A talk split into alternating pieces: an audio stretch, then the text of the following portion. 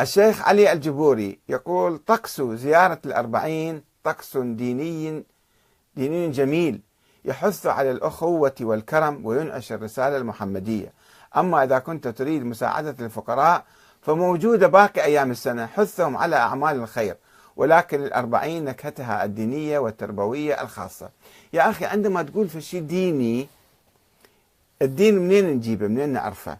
وين موجود الدين؟ روح اقرأ القرآن الدين موجود بالقرآن.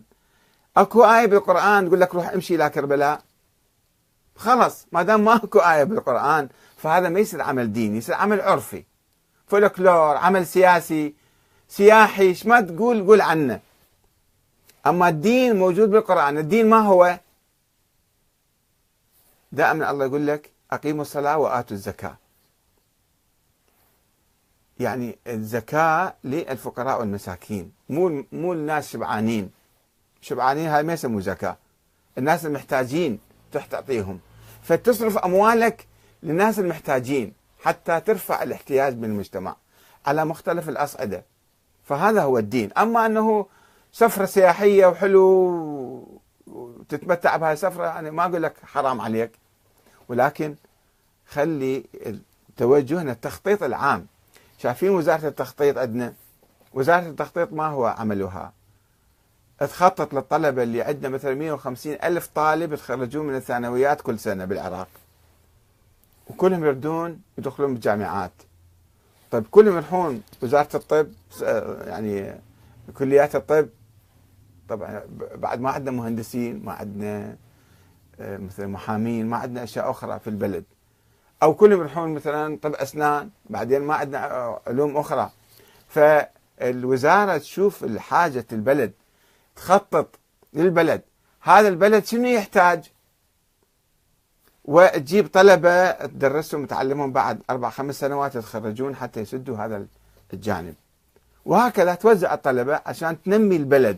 أما إذا ما عندنا وزارة تخطيط الآن إحنا مشكلتنا مراجعنا اللي هم متكفلين بهذا الجانب في قصر يعني مفترض فيهم أن يؤدوا هذا الدور. ما يقوموا بعملية التخطيط؟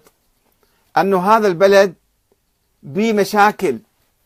إحنا وين نوجه أنظار الناس؟ ما يوجهون أنظار الناس. شفتوا بارك الله بالسيد السيستاني عندما أفتى آه، فتوى الجهاد الكفائي في مكافحة داعش. لو السيد السيستاني مثلا ما ما مصدر هاي الفتوى. أو العلماء الآخرين مو فقط السيد السيستاني ما منتبهين لسد هذا الجانب الأمني أو العسكري. البلد كان راح. أنت إذا تروح فقط تصعد على المنابر وتبكي على الحسين مثلا أو تبكي الناس وناسي الجانب الأمني أو ناسي الجانب هذا العسكري فالبلد يروح. كذلك الجانب الاقتصادي جانب العدالة الاجتماعية. مع الأسف آه، كثير من حركاتنا ومراجعنا ما يفكرون ببعد العدالة الاجتماعية. إذا شاف وحدة سافرة أو مطلعة شعره شوية تنقلب الدنيا عنده. أنه هذا أوه كفر صار. إذا وحدة ملابسها مو مضبوطة بعد كلش يعني مصيبة عظمى تصير. ولكن إذا شاف واحد فقير أو مريض يئن من الألم وما عنده دواء ما يهتم فيه. البعد الاجتماعي غائب عنده. أنا ما أقول النساء خلي سفرا. لا الحجاب أيضا مفروض من الله تعالى.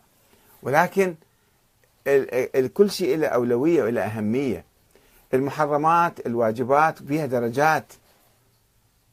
بها درجات وبها يعني آه، آه، أولويات. فيجب أن آه، وأبعاد مختلفة في المجتمع. فالمراجع والحركات الإسلامية والخطباء يجب أن يركزوا على ذلك البعد أيضا.